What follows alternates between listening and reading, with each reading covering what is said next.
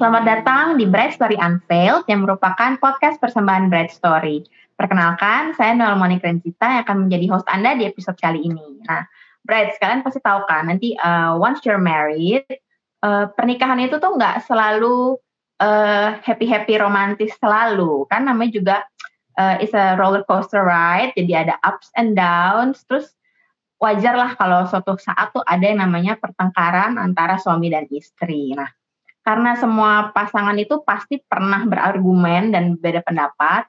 Kali ini kita mau mengangkat topik ini nih karena uh, penting banget untuk pasangan calon pengantin terutama untuk tahu bagaimana menyiasati argumentasi dan pertengkaran sebagai suami istri agar uh, bisa mengatasi dengan baik gitu loh. Jadi berbeda pendapat itu tidak membuat hubungan kita dan pasangan justru menjadi renggang. Nah, untuk membahas hal ini bersama saya telah hadir sepasang pengantin baru lah ya, baru mau setahun kan. Ada ya. Isyana Sarasvati dan Dr. Rehan Mahadistra. Halo. Apa kabar kalian berdua? Baik, baik. Alhamdulillah. Thank you ya udah bersedia hadir dan ngobrol di podcast. Sebelumnya, uh, ceritain dong kesibukan kalian saat ini apa aja? Kesibukan aku sih masih sama ya, pasti bermusik, cuman sekarang memang semuanya dilakukan secara virtual. Hmm. Terus, uh, kalau misalkan memang uh, kita terpaksa harus ke venue pun nggak ada penonton, benar-benar ketat banget sesuai dengan protokol kesehatan dan segala macamnya, yeah. melewati berbagai macam prosedur kesehatan dulu. Terus tapi sisanya di rumah aja sih, hmm. kayak di rumah wow. aja ya, sama lah seperti kita kita ini juga ya. Kalau Dokter Rehan gimana? Kalau saya juga di rumah aja, tapi kebetulan di persiapan masuk spesialis. Jadi okay. ya, mudah-mudahan kalau keterima, hasilnya belum ada, saya belum ada pengumumannya. Jadi uh, mudah-mudahan bisa. Amin. Okay. Terus uh, ini bukannya jadi youtuber juga nih? Profesi samping ya. Merambah ya? Iya, iya. Juga lah nyoba jadi content creator. Gimana? Ceritain dong sedikit soal channel YouTube-nya. Oke, jadi uh, Juni kemarin saya buat channel namanya Makoto, itu di platform YouTube, Instagram, sama Twitter juga. Uh, itu sebenarnya wadah untuk diskusi sama edukasi seputar kesehatan, uh, lebih baik tentang, tentang neuroscience dan juga kesehatan mental sih. gitu. Oke, sesuai dengan minat kamu lah ya dengan di dunia uh, psychiatry ya. Oke, kita langsung ngobrol aja nih ya soal topik kali ini. Nah, uh, Rehan Isyan, terakhir kali kita ketemu nih, kalian tuh masih di tahap wedding planning. Nah, sekarang udah hampir satu tahun, time flies. Jadi, how's married life so far? ya, seru, seru. seru pasti ya di luar ya? ya karena satu kan belum honeymoon nih sampai sekarang terus oh iya benar kayak wah kita benar-benar abis nikah menjalani hidup sebagai newlywed ya sebetulnya tapi di era pandemi juga kayak mm-hmm. gak nyangka juga ya akan seperti itu karena kan yeah, kita yeah, yeah. rencana yang banyak sebenarnya tahun ini Betul. untuk jalan-jalan berdua pengen uh, yeah. eksplorasi keliling ke sana kemari ke beberapa titik di Indonesia dan di dunia gitu yeah. cuman mm-hmm. seneng banget nggak bisa gitu tapi tetap pasti seneng sih, banget cuman tetap senang seneng banget akhirnya sah Asik, akhirnya sah. Nah, kalian ini kan pacarannya udah lama banget 12 tahun sebelum akhirnya memutuskan menikah. Nah, jadi bisa dibilang kalian tuh sebenarnya udah saling betul-betul kenal satu sama lain atau pas baru-baru nikah tuh masih ada hal-hal yang bikin surprise atau bahkan shock kaget gitu nggak sih? Gimana hmm. proses adaptasi kalian tuh dari pacar ke suami istri? Tetap ada sih sebenarnya sebagai pasangan atau pengantin baru kan tetap uh, namanya juga orang tinggal bersama pasti akan menemukan beberapa hal baru ya. ya. Cuman yeah. so far sih uh, minor ya. Iya. Bukan sesuatu yang major, ha, hmm. jadi karena memang okay. kenal banget cukup lama lama sih ya belasan tahun jadi udah tahu gitu karakternya cuman yeah. paling ya minor-minor doang sih dan tidak mengganggu sama sekali tidak iya, menjadi yeah, isu ya bukan jadi persoalan besar sih mm -hmm. oh, oke okay. berarti adaptasinya sendiri nggak nggak terlalu sulit ya bisa dibilang.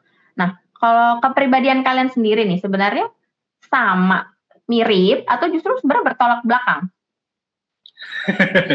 kita agak kita sebenarnya ya kalau bilang mirip sih enggak, tapi uh, saling melengkapi ya. Iya. Ya. Oke. Okay. Oh. belakang banget nggak sih? Nggak, nggak juga ya. Nggak juga. Tapi kita karakternya berbeda. Cuman Karakter. ternyata perbedaan itu bikin kita benar-benar saling melengkapi ya. Iya itu. Uh, itu sih. Oh gitu. Jadi nggak uh, perbedaan itu nggak justru jadi sumber berantem dong ya? Enggak, karena kita jadinya nggak dua-duanya batu kan. Kalau dua-duanya batu ntar nggak selesai-selesai itu masalah. Iya, iya, iya. Ini saling kayak Tetris gitu loh. Ini iya. karena kita juga selama 12 tahun kan belajar untuk mengenal satu sama lain, bahkan bertumbuh bareng juga kan. Mm-hmm. Uh, as a human itu bersama gitu. Jadi uh, ya itu sih sebenarnya udah udah enggak kita udah bisa belajar cara compromise kayak gitu-gitu kan untuk melengkapi. Okay. Uh, eh, ada yang kalian rasain nggak sih uh, pas dulu misalnya berantem sebagai pacar, sama sekarang berantem sebagai suami istri tuh menurut kalian ada perbedaan yang signifikan nggak sih?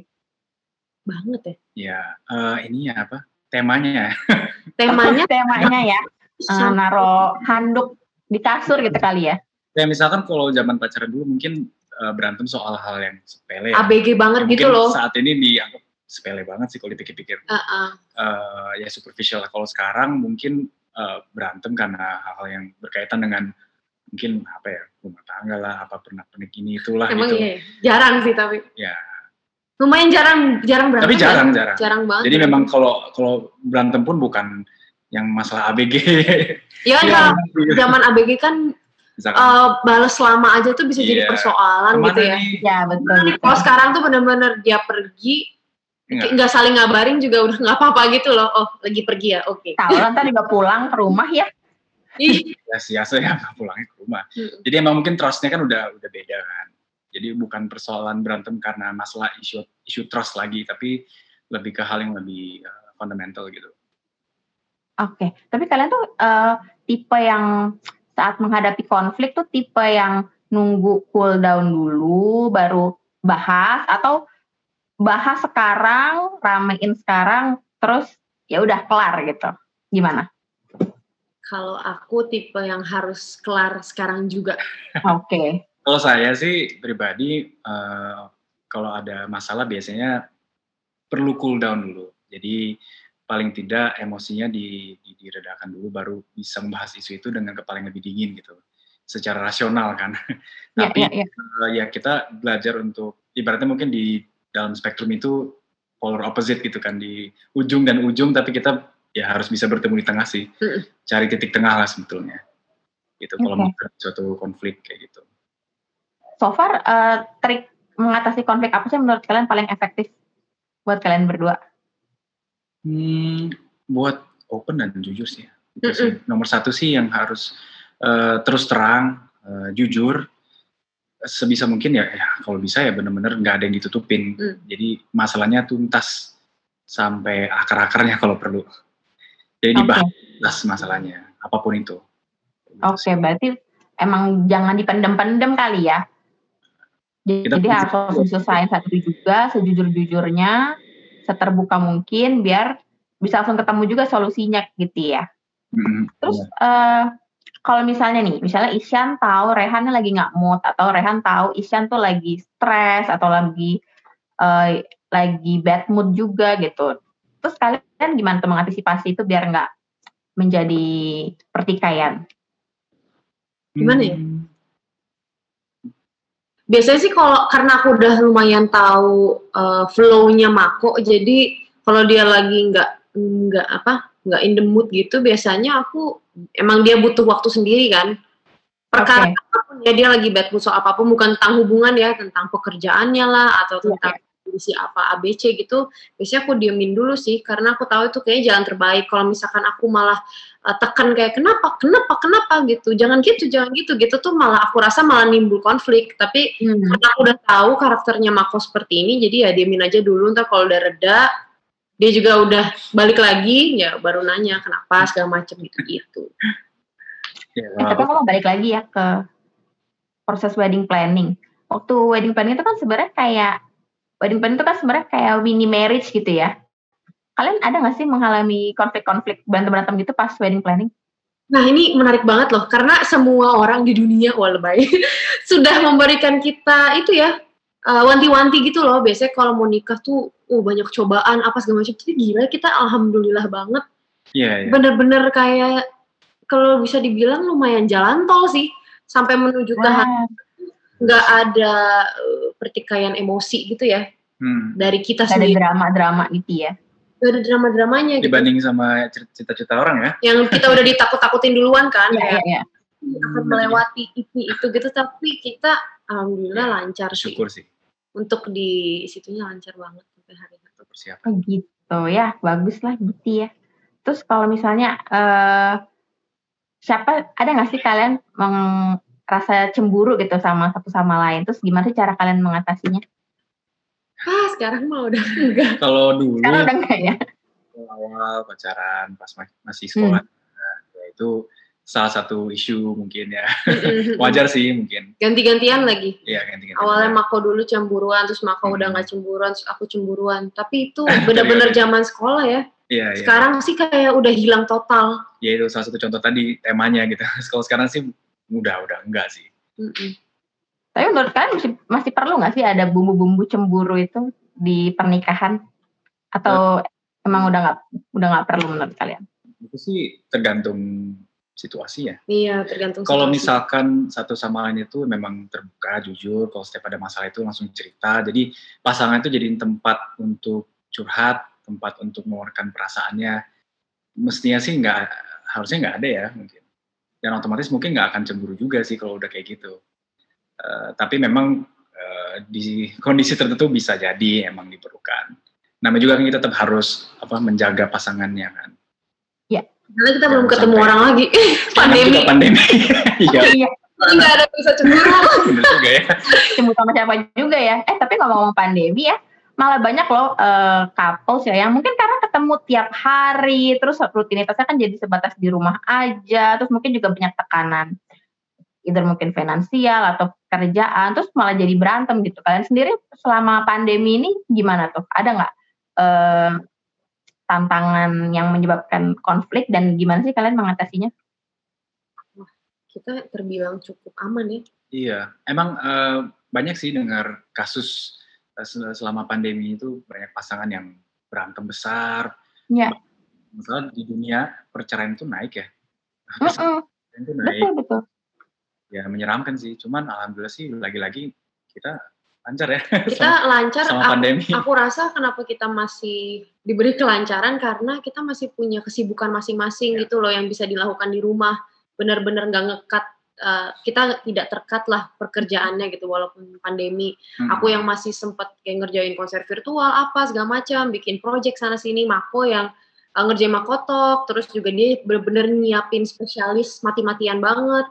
Jadinya kita tetap masih punya fokusnya ya, fokus un- dalam pekerjaan. Jadi nggak terlalu bener-bener 24 jam setiap hari itu ngobrol terus gitu. Enggak ya, Ya, jadi tetap kan WFH ya, tetap bekerja, tetap. balance. Jadi Berarti menurut kalian penting dong ya punya punya hobi dan aktivitas masing-masing untuk mengurangi itu kali ya friksi karena sebagai terlalu sering ketemu. Terus kalau eh, kesibukan kalian sendiri yang yang cukup beda ya bahkan sebelum pandemi pun pasti waktu kalian tuh kan sedih cukup susah ya untuk ketemu bareng. Pernah nggak sih ada eh, berantem itu karena kesibukan dan pekerjaan? Kayaknya kalau karena kesibukan seingatku nggak ada ya. nggak ada, tapi kayaknya gara-gara LDR aja sih. Ya mungkin dulu. karena LDR-nya ya. Kan eh, apa? Kan kita lama lama LDR juga ya. 6 Lama- tahun. enam tahun. Jadi memang dari segi komunikasi pasti terbatas gitu. Namanya juga cuman lewat teks, lewat video call kan beda sama in person gitu Jun. Jadi ya mungkin dari situnya sih. Tapi kita ya udah berhasil sih belajar cara ngerti pekerjaan satu profesi satu sama lain gitu. Karena mungkin sama-sama profesi kita tuh jadwalnya nggak bisa dibilang nggak teratur juga kan Iya. Eh, kayak gitu. Kadang kita harus kerjanya sore, gitu-gitu. Jadi ya, di situnya mungkin mirip. Heeh. Hmm. selama LDR kalian eh ini enggak sih eh itu masa-masa yang kalian sering berantem atau gimana atau itu masa-masa penjajakan kalian juga Semasa penjajakan ya. Kalau berantem sih ya pasti pernah lah ya. Cuman Enggak, enggak, enggak terlalu. Kalau aku sih ingat banyak banget, banyak banget yang ngomong tuh, ah LDR tuh nggak mungkin berhasil. Hmm. Gue dulu Hmm. Langsung putus. Wah nggak mungkin lah semua orang yang kenal LDR pasti ujung-ujungnya putus juga, nggak, sampai nikah gitu. Tapi wah, aku tetap percaya gitu, kalau memang kita punya tujuan yang sama, kita serius, mau sampai sana ya mudah-mudahan bisa. Akhirnya alhamdulillah tercapai kan. Jadi itu Jadi apa pun bisa lah ya, LDR itu walaupun banyak tantangannya, tapi mungkin justru banyak juga pelajaran yang diambil dari situ ya, untuk bekal pas menikah, ya nggak? Bener sih salah satu juga yang bikin aku jadi yakin banget Mako Hmm. is the one pada saat kita lagi LDR ya. Karena banyak pembelajaran yang didapatkan, terus dari jarak yang udah jauh aja ternyata kita masih bisa bertahan di situ malah bikin aku makin yakin. Bukan jadi kayak renggang atau apa, Iya, tapi iya. kita berdua malah jadi kayak kayaknya yakin nih gitu. ini LDR aja bisa bertahan kan. Mm, Iya, iya. So, langsung gitu. Dan setiap ada masalah yang misalkan muncul tuh ternyata kita masih bisa solve the problem gitu Iya. loh. Walaupun jarak jauh kayak gitu kan. Jadi makin yakin makin yakin dan akhirnya kita juga tipikal uh, relationship yang mikirnya tuh jangka panjang. Jadi bukan Hmm. hari ini doang atau mundur lagi ke belakang kayak yang lalu biarlah berlalu gitu ya. Jadi nggak terlalu banyak mikirin atau fokus ke si konfliknya ya, tapi setelahnya kira-kira. Dan itu kalian bawa juga saat sekarang ke kehidupan rumah tangga nggak? Jadi eh, pembelajaran itu ya. Tetap tetap. Jadi emang kita eh, ngeliat ke depan lah rencana ke depannya apa. Jadi mem- memang kalau ada konflik apa pun itu sebesar apa pun ya eh, jangan berlama-lama di konflik itu sendiri gitu kan ya. Tapi gimana caranya kita get through it dan bisa langsung fokus ke yang berikutnya itu sih. Ah oke. Terus kalian kalau misalnya habis habis berantem gitu ya, eh, gimana sih cara eh, kalian untuk membuat suasana di rumah tuh kembali positif dan menyenangkan? Hmm, balik sendiri bisa balik sendiri. iya jadi, Balik. jadi nggak ada kayak em, habis berantem bawa bunga gitu Iya, nggak ada maksudnya kayak ada gesture Mungkin Isan harus dirayu-rayu. Kayaknya tahu-tahu udah udah baik kan udah, iya udah kayak biasa gitu udah ngomongin yang lain lagi main lah atau apa gitu lagi Iya. ngobrol kayak biasa Wah parah kita nggak romantis. ya ya beda-beda sih tiap pasangan cuman ya Biasanya balik sendiri kok, ya kita balik sendiri. mm, Kalau yang minta maaf biasanya siapa tuh yang minta maaf duluan atau ada yang paling gengsi minta maaf gitu? Ada nggak? Kalau eh, gengsi. ya tergantung konfliknya Mm-mm. sebenarnya kadang juga sebagian, sebagian besar konfliknya kan pasti kan konflik karena perbedaan perspektif sering kali gitu Hmm. misalkan aku kayak gini ya menurut aku kayak gini menurut kamu kayak gitu Mm-mm. jadi eh yang sama-sama ngerasa dia benar kan cuman pada akhirnya ya udah eh, ya itu balik-balik sendiri gitu Nggak ada. mencapai resolusinya sendiri gitu kan ya. Kalau misalkan emang yang satu antara yang satu tuh nggak ada yang mutlak salah sih, ya nggak usah minta maaf ya. Karena kayak kayak, kayak misalkan beda persepsi. Kom aja gitu kali ya. Tapi kalau memang salah, salah satu dari kita salah, kita pasti akan minta maaf Ya, ya, gitu dan admit. mengakui gitu, admit itu itu gitu. dan kalau gengsi sih enggak sih kayaknya untuk minta maaf gitu. Iya, udah nggak ya? udah nggak. Terus eh, penting nggak sih menurut kalian suami istri itu eh, sharing tentang konflik atau masalah pernikahan tuh ke orang lain, misalnya ke orang tua atau ke konselor pernikahan mungkin atau ikut couple counseling gitu. Sebenarnya seberapa penting dan menurut kalian gimana? Itu gimana Pak Dokter aja? Iya Pak Dokter.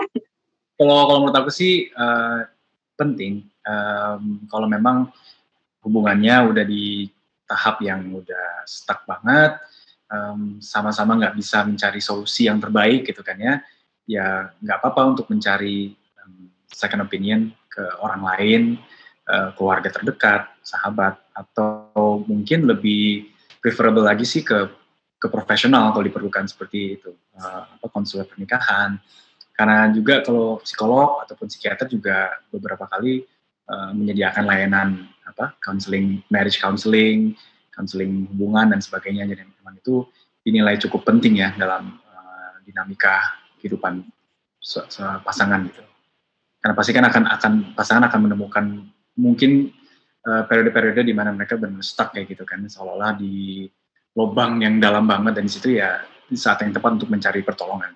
Percaya kayak gitu sih. Jangan takut jangan segan untuk mencari pertolongan kalau memang diperlukan. If it's tapi mungkin ada kadarnya juga kali ya nggak semua diceritain ke orang atau oh, kalau memang kalau ke ke profesional kayak gitu kan hmm. kalau konsul pernikahan pasti kan dia udah tahu uh, apa yang harus dibahas kan bagaimana yeah, yeah. apa aja yang harus di, disampaikan apa yang boleh ditahan kayak gitu kan kalau memang sama profesional uh, tapi kalau sama keluarga dan sebagainya mungkin uh, yang menurut pasangannya nyaman hmm. aja sih gitu. tapi ada loh yang bilang berantem itu bumbu pernikahan kan. Jadi dan sebenarnya emang banyak kok yang kita bisa pelajari dari uh, bertengkar dengan pasangan gitu. Misalnya jadi tahu ekspektasi satu sama lain, jadi tahu maksudnya dia maunya gimana, sudut pandang dia gimana. Nah, kalau menurut Isyana dan Rehan, uh, apa aja sih manfaat yang dirasakan dari adanya bumbu-bumbu pernikahan ini?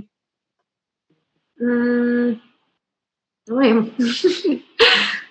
uh, ya emang kayak tadi di awal kan um, Noel cerita tentang apa ya hubungan itu sebagai roller coaster atau bagaikan roller coaster pasti ada ups and downs-nya dan justru bagian seru ada di perjalanan itu sendiri kan kalau roller coaster dia cuman lurus doang itu kan ya garing ya garing mau naik gitu. Kalau roller coaster kan seru karena dia ada muter-muternya naik turunnya gitu ya. Kurang lebih seperti itu sih. Dia kayak hidup sebenarnya. Uh, itu yang membuat uh, hubungan itu menyenangkan sih. Karena kita bisa belajar dari uh, semua masalah yang kita alami. Solusi yang kita temukan itu membuat kita menjadi lebih dewasa pasti ya kan dan dan sebagainya lebih Jadi, mengerti satu sama lebih lain mengerti satu sama lain lebih punya toleransi antar sesama ya. gitu. dan membangun dinamika hubungannya aja sih kayak mm -hmm. gitu nah kalau Isyan sama Rehan sebelum menikah kan selain persiapan pesta, acara, ada nggak sih kalian persiapan mental yang kalian lakukan untuk memasuki kehidupan rumah tangga ini? Iya, yeah, um, kita dapat uh, nasihat ya kayaknya sih. Yeah, wejangan, wejangan dari uh, orang tua masing-masing. Uh, beberapa kali diajak ngobrol kayak gitu. Cerita kalau kehidupan nanti berumah tangga seperti ini, hubungan kalian nanti akan seperti ini. Mm. Uh, dikasih beberapa advice dan menurut kita itu sangat-sangat berharga mungkin itu sih untuk membantu kita mempersiapkan mental kita menghadapi pernikahan.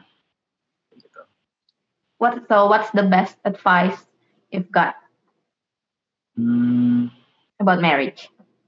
Apa pun itu, ini fokus sama pasangan. Pasangan. Apa pun itu fokus sama pasangan. Jadikan pasangan prioritas nomor satu. Hmm. Itu sih mungkin salah satunya. Karena nggak tahu mungkin menurut uh, orang tua kita akan ada suatu saat di hubungan kita yang mungkin apalagi kalau kita udah sibuk banyak uh, urusan banyak pekerjaan dan sebagainya itu sering kali nggak atau terlupakan gitu tapi jangan sampai apa ya uh, lupakan bahwa pasangan itu nomor satu gitu sih. Jadikan prioritas pertama gitu. oke berarti pasangan itu menjadi prioritas satu sama lain. Nah untuk merangkum apa aja sih pelajaran yang telah kalian petik dari perjalanan pernikahan ini yang hampir satu tahun? Karena kan kata orang the first year are the hardest ya. Jadi bener nggak gitu? Iya bukan katanya tahun ketiga kelima nggak tahu ya. Iya yeah, mungkin ya mungkin beda-beda sih. Belum. Kan nggak itu nggak pasti ya. Cuman uh, ya kita bersyukur sih so far uh, mendekati setahun uh, lancar ya. Lancar. Uh, dan uh, mungkin ke depannya sih kita berharap mungkin bisa tetap terus belajar. Cara menjadi suami istri. Maksudnya yang eh, gimana belajar lebih banyak lagi tentang berumah tangga dan sebagainya sebagainya gitu. Sambil jalan lah. Oke. Okay. Seru banget bincang-bincang hari ini bersama Isyana dan Raihan. Sekali lagi terima kasih ya udah bersedia sharing hmm. tentang rumah tangga dan dinamika suami istri. Semoga Brides to be yang mendengarkan bisa mendapat sedikit gambaran tentang kehidupan setelah hari pernikahan dan mengerti bahwa yang namanya pertengkaran suami istri itu wajar kok ya dan hmm. uh, justru diharapkan pertengkaran itu adu pendapat atau konflik itu justru uh, membuat hubungan semakin kuat gitu. Betul. Jadi komunikasi terjalin lebih baik, terus membantu kita memahami itu tadi ekspektasi satu sama lain. Justru jangan sampai pertengkaran itu justru memecah belah kehidupan pernikahan yang telah dibina. Nah, sekali lagi terima kasih untuk Isyana dan Rehan, juga untuk Brad Stubi yang mendengarkan. Uh, jangan lupa mendengarkan ini loh, cek channel YouTube-nya Dr. Rehan Makoto. Oh iya. Mendapatkan berbagai info menarik soal gaya hidup sehat serta berbagai macam diskusi seru. Bapak Rehan boleh kalau mau mempromosikan. Oke, okay, makasih. Uh, untuk yang mendengarkan, jangan lupa untuk kunjungi akun Makotok di YouTube, Instagram, sama Twitter. Dan mudah-mudahan uh, kontennya bermanfaat. Sip, oke. Okay. Jangan lupa follow terus juga Spotify Brad Story Unveiled dan Instagram The Brad Story agar tidak ketinggalan episode-episode berikutnya yang gak kalah seru. Saya Noel Monik, undur diri. Stay safe and thank you. Thank you. Bye.